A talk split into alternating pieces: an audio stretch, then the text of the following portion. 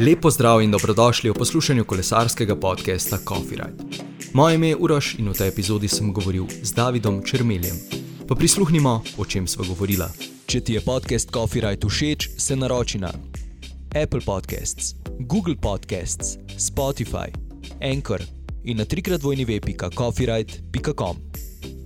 Takole, danes v moji družbi David Črmel. David, športni novinar, novinar, dopisnik iz terena, napisano imaš tudi, da si kolesarski navdušenec. Kako bi predstavil samega sebe nekomu, ki Davida ne pozna? Uh, ja, um, najprej lep pozdrav. V bistvu si vse povedal, no? brez, brez uh, karkoli ovinkarjanja ali karkoli. Ja, novinar sem, ampak do vsega tega sem prišel, pa lahko rečem, kar uh, v osnovi prek kolesarstva ali pa zaradi kolesarstva. Tako da v bistvu je osnova bila vedno, ne vem, ne vem odkdaj, od šestega razreda, mogoče kolesarstva. No?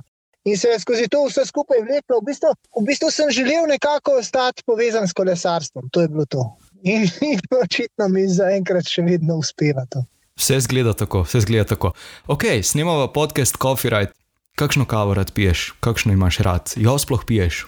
Uh, ja, ja, pijem uh, preveč, ponavadi najbrž. No, ampak, uh, glej, uh, črna zjutraj, ki si jo narediš sam, potem pa, uh, ko je le priložnost, kakšen uh, res dober kapučino. No. Kolesarji okay. mi ga znajo kar dobrega narediti, ponavadi, če prijem komu na obisk. Uh, kakorkoli, ja, kapučino, kapučino je, kjerkoli drugje kot doma je kapučino. Super, zdaj glede na to, da ogromno potuješ, se bi tudi ti strinjal s tem, da raje v Franciji naročiš kako drugo pijačo, ne ravno kave. Ja, ja, ja seveda. To, uh, ravno zadnjič sem dobil dokaz, ko smo bili, uh, dva dni smo bili na tej dirki, pa resnica, potem pa dva dni Tireno Adriatico. Um, pa je bila v tistih nekaj urah razlika.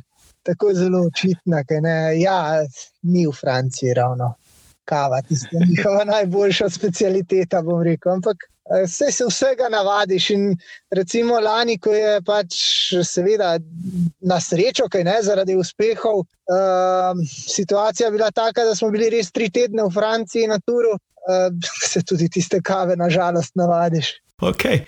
Uh, ja, sicer si prej že omenil, ampak uh, vseeno bom še enkrat postavil vprašanje, pa morda bolj izčrpno uh, ali pa bolj natančno rišeš. Torej, kdaj, kdaj si v bistvu, recimo, temu prvič sedel na kolo, ali pa kdaj si prvič zares pomislil na to, da bi pa lahko bil kolesar?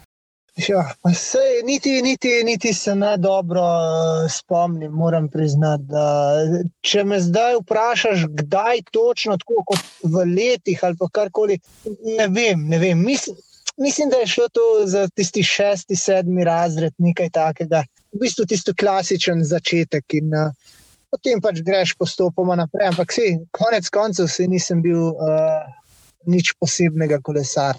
Ne vem, ja, velikih rado poudarja, da, da sem bil kolesar, ampak vse to, kar zdaj vem, pa kolikor se je spremenilo, bolj vem zato, ker pač eh, rad vprašam te kolesarje, ki so zdaj in jih rad poslušam, ko mi kaj razložijo. Bolj iz tega vem, da bi iz vlastnih izkušenj karkoli vedel, nima smisla. Bil sem mladinec, potem pa še dve leti, mislim, da uh, mlajši član. Ni, ni zdaj, ne morem iz mojih izkušenj potegniti veliko več, kot pa to, da sem da vem, da se na tem kolesu res prekleto trpi. No, ampak vseeno, ko sem malenkost brskal, na vse zadnje si v kategoriji U23 vozil za perutnino Ptuj skupaj z Gregorjem Gazvodom, ki ga poznamo preko uh, ikonik kave, pa z Aldo Inu Ilišičem, ki je kasneje naredil kariero v, v Ameriki. Kako se vseeno spominjaš, uh, recimo, tistih časov? Se, uh, da ne bo kdo narobe razumel, eno leto prej mi je bilo recimo precej lepše. No? Se bolj spominjam, veliko raje, ko sem bil pri Hitu, pa sem bil prvo leto član. Pa mi je šlo v bistvu za prvo leto člana, kar, kar res zelo dobro. Uh, tista perutnina pa bo vedno stal uh, v glavi en padec uh, na dirki v Varaždinu. uh, ki se ga v bistvu ne spominjam. Tako, ravno zadnjič v Izoli uh, so me tako čez cesto, kaj ne tisti trenerji, ki so bili takrat tam, so rekli. A, ravno o tebi smo se pogovarjali, uh, kako si padel v Varaždinu. No, sem rekel, pa vi ste tisti, ki se lahko tega spomnite, jaz se tega ne. ne. Uh, tako da, kako se pa tega spomnim? Spomnim se, da je bil Irešič, ko smo mi prišli, je bil v bistvu prvo leto, Ja, vem, da v sprintih že, že na treningih v sprintih premagal marsikaterega člana takrat, ker takrat je perutnina imela ločeno ekipi, ne, do 23 let in potem člansko. In uh, to je bil res tako močan klub in tega se spomnim, kar se Ilešiča tiče. No. Ok, ok. Eh, zdaj, naslednje leto si vozil za TBP Lenart, torej tovarna Bovdeno in plastike. Če to primerjamo s sedanjimi klubi, kako je bil v bistvu primerjalen ta klub, eh, recimo temu, rangiran po lestvici? Ta TBP Lenart se je v bistvu, v bistvu sredi sezone se že odločil, da pač da nima smisla, kaj ne. Pač si, mhm. je jasno, moraš se prej ali slej sprijazniti, ali si nadarjen ali nisi dovolj. Kako bi se, v bistvu se je veliko spremenilo od takrat, ne klubi, to rangiranje klubov, ne na zadnje. Vse, vse je drugače, kaj ne. UCI je od takrat veliko, veliko stvari spremenil. Kar bi pa bi lahko rekel, je, da je bilo takrat ogromno enih priložnosti za dirkanje imel si to možnost, da si lahko dirkal nekje, ok, seveda, denarja ni bilo, da je pač neko plačo, večje kot neke majhne štipendije dobival, ampak imel si to možnost. Če nisi pri pirotnini nadaljeval, si šel v Lenart, recimo, ali pa malce prej je bil ta hit, eh, ki je nažalost samo eno leto ustrajal takrat pri članih, ali pa Sava. Radenska, vse. Zdi se mi, da je bilo veliko priložnosti za mlade, da so lahko nadaljevali naprej v člane. Eh, če pomisliš zdaj, kje si, je, je tako, ne, je, je Radenska in je, oziroma Ljubljana Gusto Santik, je Adrija Mobil, ki se je zdaj, lahko rečem, usmirila v mlade in jim daje priložnost, pa Meblo Jogi in Kran. Ne, in, ne vem, zdi se mi, da vem, občutek imam, da smo mi kot prvo leto in to imeli takoj priložnost se dokazovati. Je pa res, da se je od takrat spremenilo tudi to, da mladi se zdaj lahko primerjajo s svojo starostjo na dirkah pokala narodov. Takrat tega eh, ni bilo. Ne? Takrat si veliko krat priletel kar v člane in bilo to. to. Te je srečala kruta realnost. Ja, vse si mlad. Pa gre, pa ne umem, če si je še malo boljš, najbrž pa. pa je, no. Eh, gre, gre, v redu je bilo, v redu, v redu. Uh, kako je pa zdaj? Jaz, kaj pa vem, vse tudi zdaj, vse, če pogledamo, pa zdaj dosežke, očitno mora biti kolikor toliko fajn. To pa definitivno. Zdaj, leta 2010 si se odločil dirkati okrog Slovenije, zelo dobro ti je kazalo, potem pa si staknil pljučnico. Um, sicer si že to povedal, da, se, da, se, da, da je to za tabo, da si to pozabil, ampak kako to, da si se sploh preizkusil v takšnem stilu dirkanja? Se to ni, to ni pravo dirkanje. Eh, ne vem, v bistvu dirke same se na nekaj, nekaj ekstra spominjam. Uh, bolj se spominjam celotne poti do dirke. No. Kako bi rekel, pač, eh, se pravi, to je bilo že kar precej let potem, ko sem nehal. Kaj, ne? In Vmes so bila leta, ko nisem kaj veliko kolesaril, moram priznati. Potem pa sem, pa vem, enkrat, eno leto prej, po zimi, nekako malo bolj začel, celo kolo sem si kupil, kaj ne. Ko, mislim, neko kolo, da sem se lahko vozil, recimo po, po kar nekaj letih. In uh, pač sem začel, in v bistvu, v bistvu nisem imel kam s prostim časom, kar kar bi zdaj dal vse na svetu, da bi ga imel kaj več. In sem se vozil. Če sem imel pet ur na dan časa, sem se vozil pet ur. Če, če, sem, ga, če sem imel prost dan, sem se vozil 12 ur. Uh, in to je v bistvu, ne vem, se pravi, če sem mar, februarja, marca začel, potem, potem sem, ne vem, mislim, da sem celo kakšen intervju naredil takrat še za revijo z, z Robičem in to, in malce te prevzame. Ampak samo dirkanje mi ni bilo nikoli všeč, no, ekstremno. Tud, uh, ni to tisto ni to pravo dirkanje, to so neki izzivi. Ampak ta pot, veš, si šel preprosto na kolo in si užival, ne vem, Šel sem iz Ljubljane, takrat pa sem bil v kratkih, kar pa sem šel v kratkih rokavih, pa sem šel čez vršič, pa sem pa skočil še na Mangard, pa dol pa na Primorsko. In pa sem mal sem nekaj mutil, pa ali bi šel ali ne bi šel. Pa v bistvu sem se prijavil aprila. Zadnji dan možnih prijav, nekaj takega sem se prijavil. No. Sem pa vedel, da bom uh, spredaj ko sem tudi parkrat šel na trening z Robičem in to sem videl, da, da bi lahko bil blizu. Ampak eh, kar se spominjam pa od dirke, ki si vprašal, je pa to, da sem jaz štartal med prvimi, pač me niso ne poznali na način. In sem imel prvih, ne vem, sedem, osem ur, vse čas nek naliv. Ne?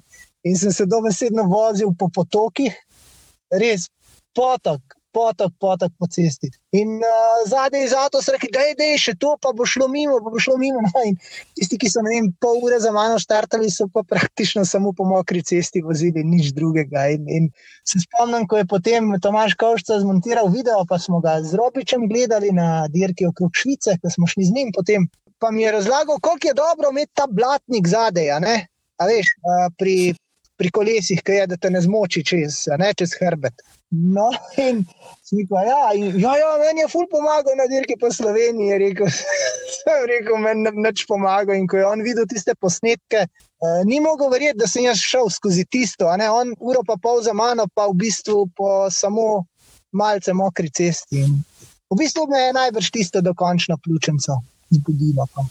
Ampak okay, to je pa to, kar se spomnim. Drugače se pa spomnim veliko drugih, kako bi rekel, zgodb ali pa česar koli iz samih teh, niti ne rečem jaz temu treningov, no, ampak iz teh voženj do dosa. Dos je bil samo še tista, ok, gremo pa še to in zaključimo neko zgodbo.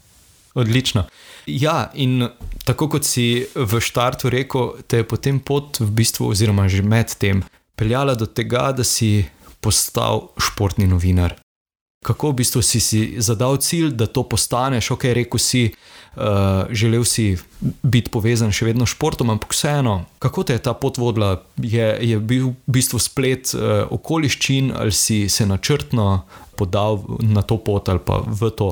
Ma, ne, ni, ni, bilo, ni bilo načrtno. V bistvu prakso sem imel, nisem, da ne bo pomote, kdo ne vem, poznam ljudi, ki so si vem, od osnovne šole želeli biti novinarji ne, ali novinarke ali karkoli. Ne, ne pri meni ni bilo to, uh, nimam pojma. Kolesarstvo sem že ostati in, in pol je to nekako vodilo, pa v športu samem. Ne, uh, da sem imel prakso na ekipi in sem kar tam ostal kakšno leto, najbrž. Potem sem pa nadaljeval prek žurnala in že počasi začel na RTV-ju delati. Ampak na RTV-ju je itak eh, bil vedno ta dolgotrajen postopek, da si kam prišel. Najprej opisuješ tekme, potem takrat še ne vem, nosiš kasete, ni, ni bilo še na kartice vse. In, in počasi si lahko delal, mislim, lahko si delal še kje druge, ker nisi imel tukaj toliko dela. V bistvu, v bistvu je pa najbrž bil ravno, bila je najbrž ta prednost, da je bilo kolesarstvo kar zelo, zelo usponu. Tadej Valjavec je dosegal nekaj tam 2-9-20, je še vedno, kaj ne dosegal dobre rezultate, se mi zdi. Potem je Jani Brajkovič, ki, ki je pač zmagal do Fine, pa res je bil že, že med najboljšimi in se je uspenjalo in avtomatsko imeli smo pravice na RTV-ju za Tour de France in pač vedno več se je delalo.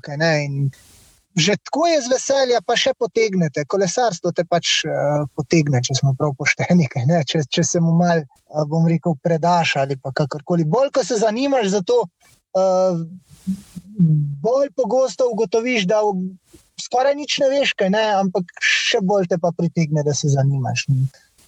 Tako da ne vem, da bi pa za novinarstvo, se, nisem, kot sem rekel, nisem se odločil za novinarstvo, ampak v bistvu ta, recimo, temu ljubezen do športa in predvsem do kolesarstva me je pa pripeljala do tega, da sem prek tega ostal povezan s tem. Zdaj, če bi toliko let nazaj mislil, da bom vem, prek kot maser ostal v tem. Želel pa sem ostati nekako, nekako povezan s športom, še posebej kolesarstvom. Nisem pa nikoli, nikoli si mislil, da bom kot novinar. Sicer situacija lani je malenkost zavrtela, oziroma ne malenkost, konkretno zavrtela svet v, v drugo smer. Kako je recimo COVID spremenil v bistvu spremljanje dirk ali pa poročanje z dirk? Uh, malenkost teže je priti do tekmovalcev, malenkost teže je dejansko potovati po svetu. Si še ti opazil kako drugo stvar? Mislim, se, zdaj, tako govoriva, kot da bi mi res, res ogromno potovali. Ni, ni, res ni. Uh, z, prav zaradi teh uspehov, zdaj recimo. Prvič sem bil dva dni na terenu Adriatiko, prvič sem bil na dirki Paris-Nica, dva dni. Uh, ni zdaj, recimo na Džiru sem bil, uh, ko je Primoš Roglič zmagoval, kaj ne, uh, leta 2019, ko je bil v spredju, pa smo bili dvakrat po en teden, se mi zdi. Na Vuelti sem bil. Razen Turki smo ga pokrivali že zelo dolgo časa in sem bil prvič tam let, že leta 2012, vse ostalo gremo samo ob uspehih, tako kot je vedno. Zdaj pa potovanje, v bistvu takrat je bil kar šok, se mi zdi. Čeprav moram priznati, da ko se je vse skupaj začelo, ta prvi val epidemije, kako se zdaj tu reče je v bistvu s snemalcem potovala na prvo snemanje za dokumentarni film o Primožu Rogliču. Smo potovali na Tenerife. In tja je bilo vse, vse v redu, tam posnamemo, sicer so se oni že kar držali teh protokolov in mask, in uh, predvsem ni bilo rokovanja več in tega, ampak uh, vseeno je bilo vse prijetno tam in vse v redu. Prav, čeprav je na Tenerifih že bil en hotel v karanteni, se mi zdi. Uh, no, in obračanje domov smo praktično letela, smo, mislim, da v Benetke, snemalcem pa mislim, da nas ni bilo na letalu 20.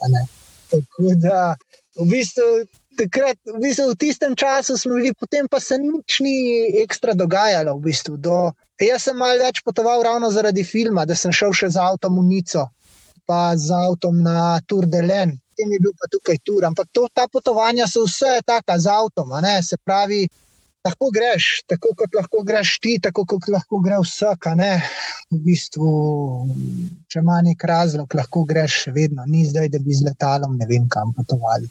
Tako da, kar se tega tiče, kar se tiče pa samega dela, je pa uh, veliko lajšanega mogoče. No?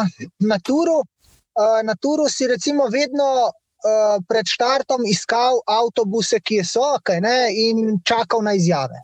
In upal, da se bo kolesar ustavil. Zdaj so pa morali zaradi teh preventivnih ukrepov narediti tudi um, mix cone tudi na startu. In tam skozi je šel kolesar in velikrat se ustavi in da izjavo, zato da jih ti ne nadleguješ ob avtobusih in je toliko manj možnosti za okužbe. Eh, se pravi, v bistvu so določen del celo olajšali, še posebej, mogoče lani jih je še malce hecalo to, da so miksone kdaj napačno postavili na štartih in ciljih in so bile na obupnih mestih. Ampak, ko še to popravijo, bo v bistvu. Kot je v nekih uh, dvoranskih športih, ko se ti vsi sprehodijo mimo mikscune. Uh, tako da, glede tega je v redu, uh, Mislim, se vse, vsega se navadiš, vse človek se vsega navadi, tudi tega smo se, pa tudi očitno teh testiranj in testov, ki jih moraš opravljati. Tako kot kolesarji, jih moramo tudi mi, čeprav na kolesarstvu je vsaj to, da se ti tam ni treba vem, vsak drugi dan testirati. Ne moreš z negativnim testom tja prideti in to je to. Recimo na, na zimskih športih, na teh svetovnih prvenstvih, ki so bile, so se morali vsak drug dan testirati. In nič takega ni, no, vsega se navadiš, tako kot sem rekel. Pač, protokoli so, držati se moraš teh pravil in, in je to to, kaj ne. Ja. Upam, da bo minilo, ampak predvsem z tega vidika, da te panike ne bo več take, ne? ampak očitno bo še nekaj časa. Tako. Ja, res je, vse kaže na to. Ampak greva raje k bolj veselim temam. Umenil si že snemanje dokumentarnega filma s, s Primožem Rogličem. Sicer izčrpen intervju smo lahko takrat prebrali, zdaj, ko je se stvar že malenkost usedla, ko pogledaš nazaj tale dokumentarni film.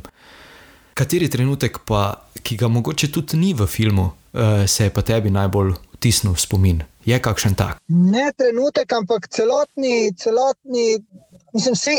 Da ne bo pomote, bili smo skupaj ne vem, nekajkrat, kaj, ne? nismo tudi z njim živeli ali pa karkoli, kar dobiš mogoče občutek v filmu. Ampak vse, vse, kar je bilo teh takih normalnih pogovorov, da ugotoviš, da pa uh, številka ena, kaj ne, uh, na lestvici, uh, da je pa popolnoma preprost in normalen človek. Vsi ti, vsi ti pogovori, ne, ne tile, ki so, v, ki so v filmu, ampak tile, ko ni bilo kamere, ne, kolikor, toliko, kolikor si se pač pogovarjal, res. V bistvu vsi no, vidiš, da, mislim, veš, da, da, da, da je tudi on samo človek. Tako kot si in zelo prijazen. In, Tak, kot se zagre.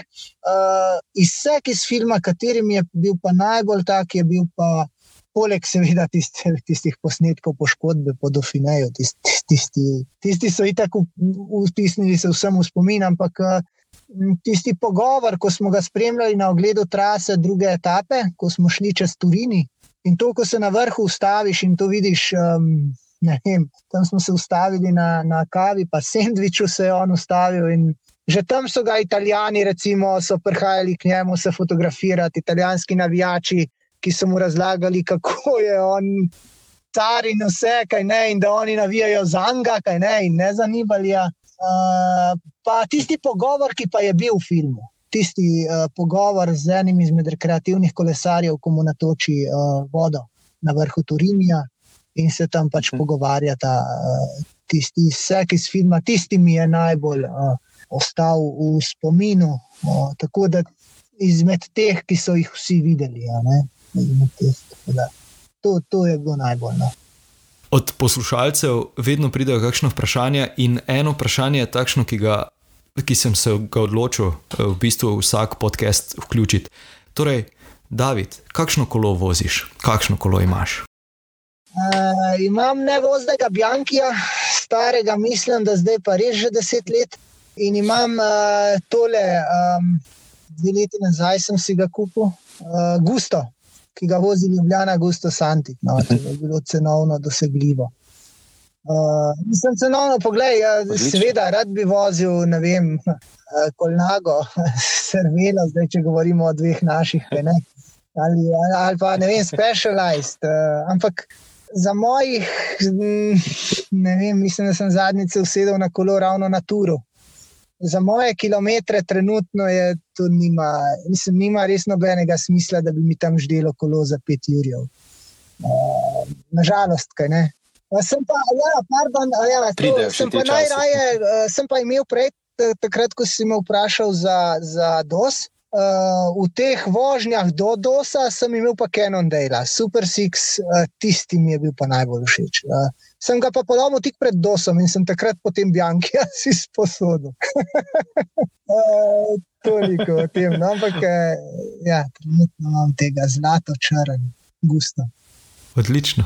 David, kaj te čaka letos ali pa zdaj v bližnji prihodnosti, oziroma kaj bi rekel, kaj si želiš, katero dirko ogledati, iz katere dirke poročati, je kera taka, ki recimo poleg tura meniš, da, da je zapisana v tvojih mislih vedno. Mislim, najbrž je lepo biti na klasikah. Bil sem na dirki po Flandriji, ampak v nekakšni lastni režiji, bom rekel, kaj ne. Uh, pač šel sem tja in se tam pozanimal, kako bi lahko potoval in uh, potoval po dirki, kaj ne, ker Flandrija je recimo uh, posebna zgodba, ker če imaš lokalce, ki ti pokažejo pot, uh, jo lahko spremljaš na kakšnih štirih, petih, šestih mestih. Kaj ne med dirko samo, ni to v liniji dirka. To se je vse čas okrog v nekih krogih, pa nekaj vrtijo po istih klancih. Uh, vsaj takrat, ko sem jaz bil, zdaj so se takrat malo spremenili, ampak vseeno. Uh, rube, rubeja nisem nikoli videl. Pa tale, te klasike. No, uh, v bistvu, v bistvu vsak misli, da ja, kaj vse si videl, ampak vse ni res. Po zaslugi teh dveh fantov zdaj Uh, najprej Primoža sem videl, že ja, Giro, doživel Giro sem že prej, no, ampak Vuelto. Um, zdaj pa letos ta Tireno, dva dni, pa dva dni pa resnice. V bistvu sproti, karkoli bo, bo v redu. Zdaj prav po pravici povedano, prav lepo mi je bilo iti v nedeljo v, na veliko nagrado slovenske Istre, zdaj uradno, vedno je pravim veliko nagrado Izole. Tako lepo mi je bilo tam, nobene gužve, ne preveč novinarjev. In prav veselim se iti na Adrijo mobil. Ne vem, no, mogoče kdo misli, da ne, ampak res, res mi je všeč na te domače dirke. Ne glede na to, kdo tam nastopa. Izmed teh velikih, pa ko si vprašal, gledaj, na Dofinaju tudi še nisem bil. Ampak konec koncev, vse, to so vse podobne zgodbe. Uh, res te klasike so mogoče drugačne zgodbe, ki jih mogoče želiš doživeti. Ampak vse ostalo je pač kot novinarjev je, greš na štart, upaš, da dobiš kakšno izjavo, upaš, da dobiš dobre posnetke, greš na cilj in spet upaš, da boš dobil izjavo in posnetke. In gre dan. Uh, in gre v bistvu, se zbudiš ob 8, greš na pot, pa priješ v hotel ob polnoči, mogoče. To to. Tako da ne, zelo striktna dirka, gledaj, kaj pa vem, mogoče, mogoče pa nam uspe iti na Baskijo, kdo je. Odlično. Sklepam, oziroma mislim, da jih je bilo kar nekaj. Je kakšen takšen ultimativni copyright, ki si ga morda stokrat odvozil, pa bi ga še stokrat, ali pa je kateri, ki je bil samo enkrat, pa ti je ostal tako spominu, da bi se še rade volje, volje vrnil tja in še enkrat odvozil tisto traso, se usedel na kavici. Trasa niti ne, uh, trasa, trasa mi je vseeno. Zdaj, zdaj v bistvu tudi takrat, ko se odpravim na kolo, se odpravim za kakšno uro, uro pa pol, tako da niti, niti se ne ustavljam, recimo, niti se ne bi ustavljal za kavo. Ne gre, ne gre za uh, traso ali pa karkoli, gre bolj za osebe, kaj, ne, s katerimi greš uh, na kavo, mogoče. Uh, bolj, bolj je to, ampak kaj pa vem, da bi se kaj spomnil. Uh, v bistvu mi je všeč z vsakim, mislim, zdaj, zdaj se to res že dolgo ni zgodilo, ampak z vsakim profijem, ki si ga kje srečal, pa si šel na kavo. Toliko je stvari, kot si tam zvedel, toliko, kot si se, z, ne glede s katerim profijem, si se naučil o kolesarstvu, ker že misliš, da nekaj veš, pa ugotoviš, da neč ne veš. Ne? In, in toliko te naučijo, da prav vseeno je kje, ampak uh, če se lahko, ne vem kateri koli kolesar v Sloveniji, če, če ima čas in če ima čas, res z veseljem grem na kavo. Ne vem, no, ampak da bi imel pa traso, je pa nimam. Po pravici povedano, lej, od, od konca septembra mislim, da se nisem usedel na koloko. Uh, mal, je, mal je mogoče le nobe, mal, mal je vsa ta korona. Kriza vpliva, mal, ne vem, niti nočem iskati izgovorov, pač nisem šel. To, to je to. In zdaj, da bi pa obstajal kofi, raj pa, pa posledično tudi ne obstaja. Če, če ne greš. Razumem. Tudi, vem, tudi ko sem se šel, kdaj, ko sem še treniral, ok, takrat kave nisem pil, ampak tudi drugače. Če sem imel eno uro, sem šel pač pol ure v eno smer, pol ure v drugo in ni bilo tega. No? Razen če si nekoga srečal in šel pol s tisto osebo z veseljem na kavo. Razumem. Ok, ok. Pri koncu sva. Morda še kakšna misel, mogoče zahvala, mogoče povabilo, karkoli, kar pade na pamet za poslušalce. Uh, nisem razmišljal o tem, ampak kaj vem, uh, glede na to, da govorimo o kolesarstvu, kaj ne. Ha, veliko kolesarte, uh, lepo je. Uh, jaz bom tudi še kaj več kolesaril, vsaj upam. Uživajte v kolesarstvu. Takih let, kot jih zdaj doživljamo, ob spremljanju naših profijev, jih uh, brez zamere, ne bomo vedno, kaj ne, živimo v, lahko rečem, sanskem obdobju, trenutno za, za vsaj, kar se tiče spremljanja slovenskega profesionalnega kolesarstva. In res, dajmo, dajmo, če, če spremljamo to kolesarstvo, dajmo v tem res uživati. Ker, Moramo, no, nikoli več, mogoče ne bo takih časov za našo generacijo, težko. Uh, drugače pa samo pejte na kolo, ker Za me je to vedno, še vedno najboljši in najlepši šport. Ne? A, pa ne bo rekreacija, profi ali karkoli. To, to je to od športa za me. No? David, odlično. Najlepša ti hvala za tale pogovor. Davidu, še enkrat najlepša hvala, da si vzel čas za pogovor. Mi se ponovno slišimo prihodnji petek. Če želiš Copyright podpreti, odklikaj na www.coffeeright.com pošiljka Coffee Shop.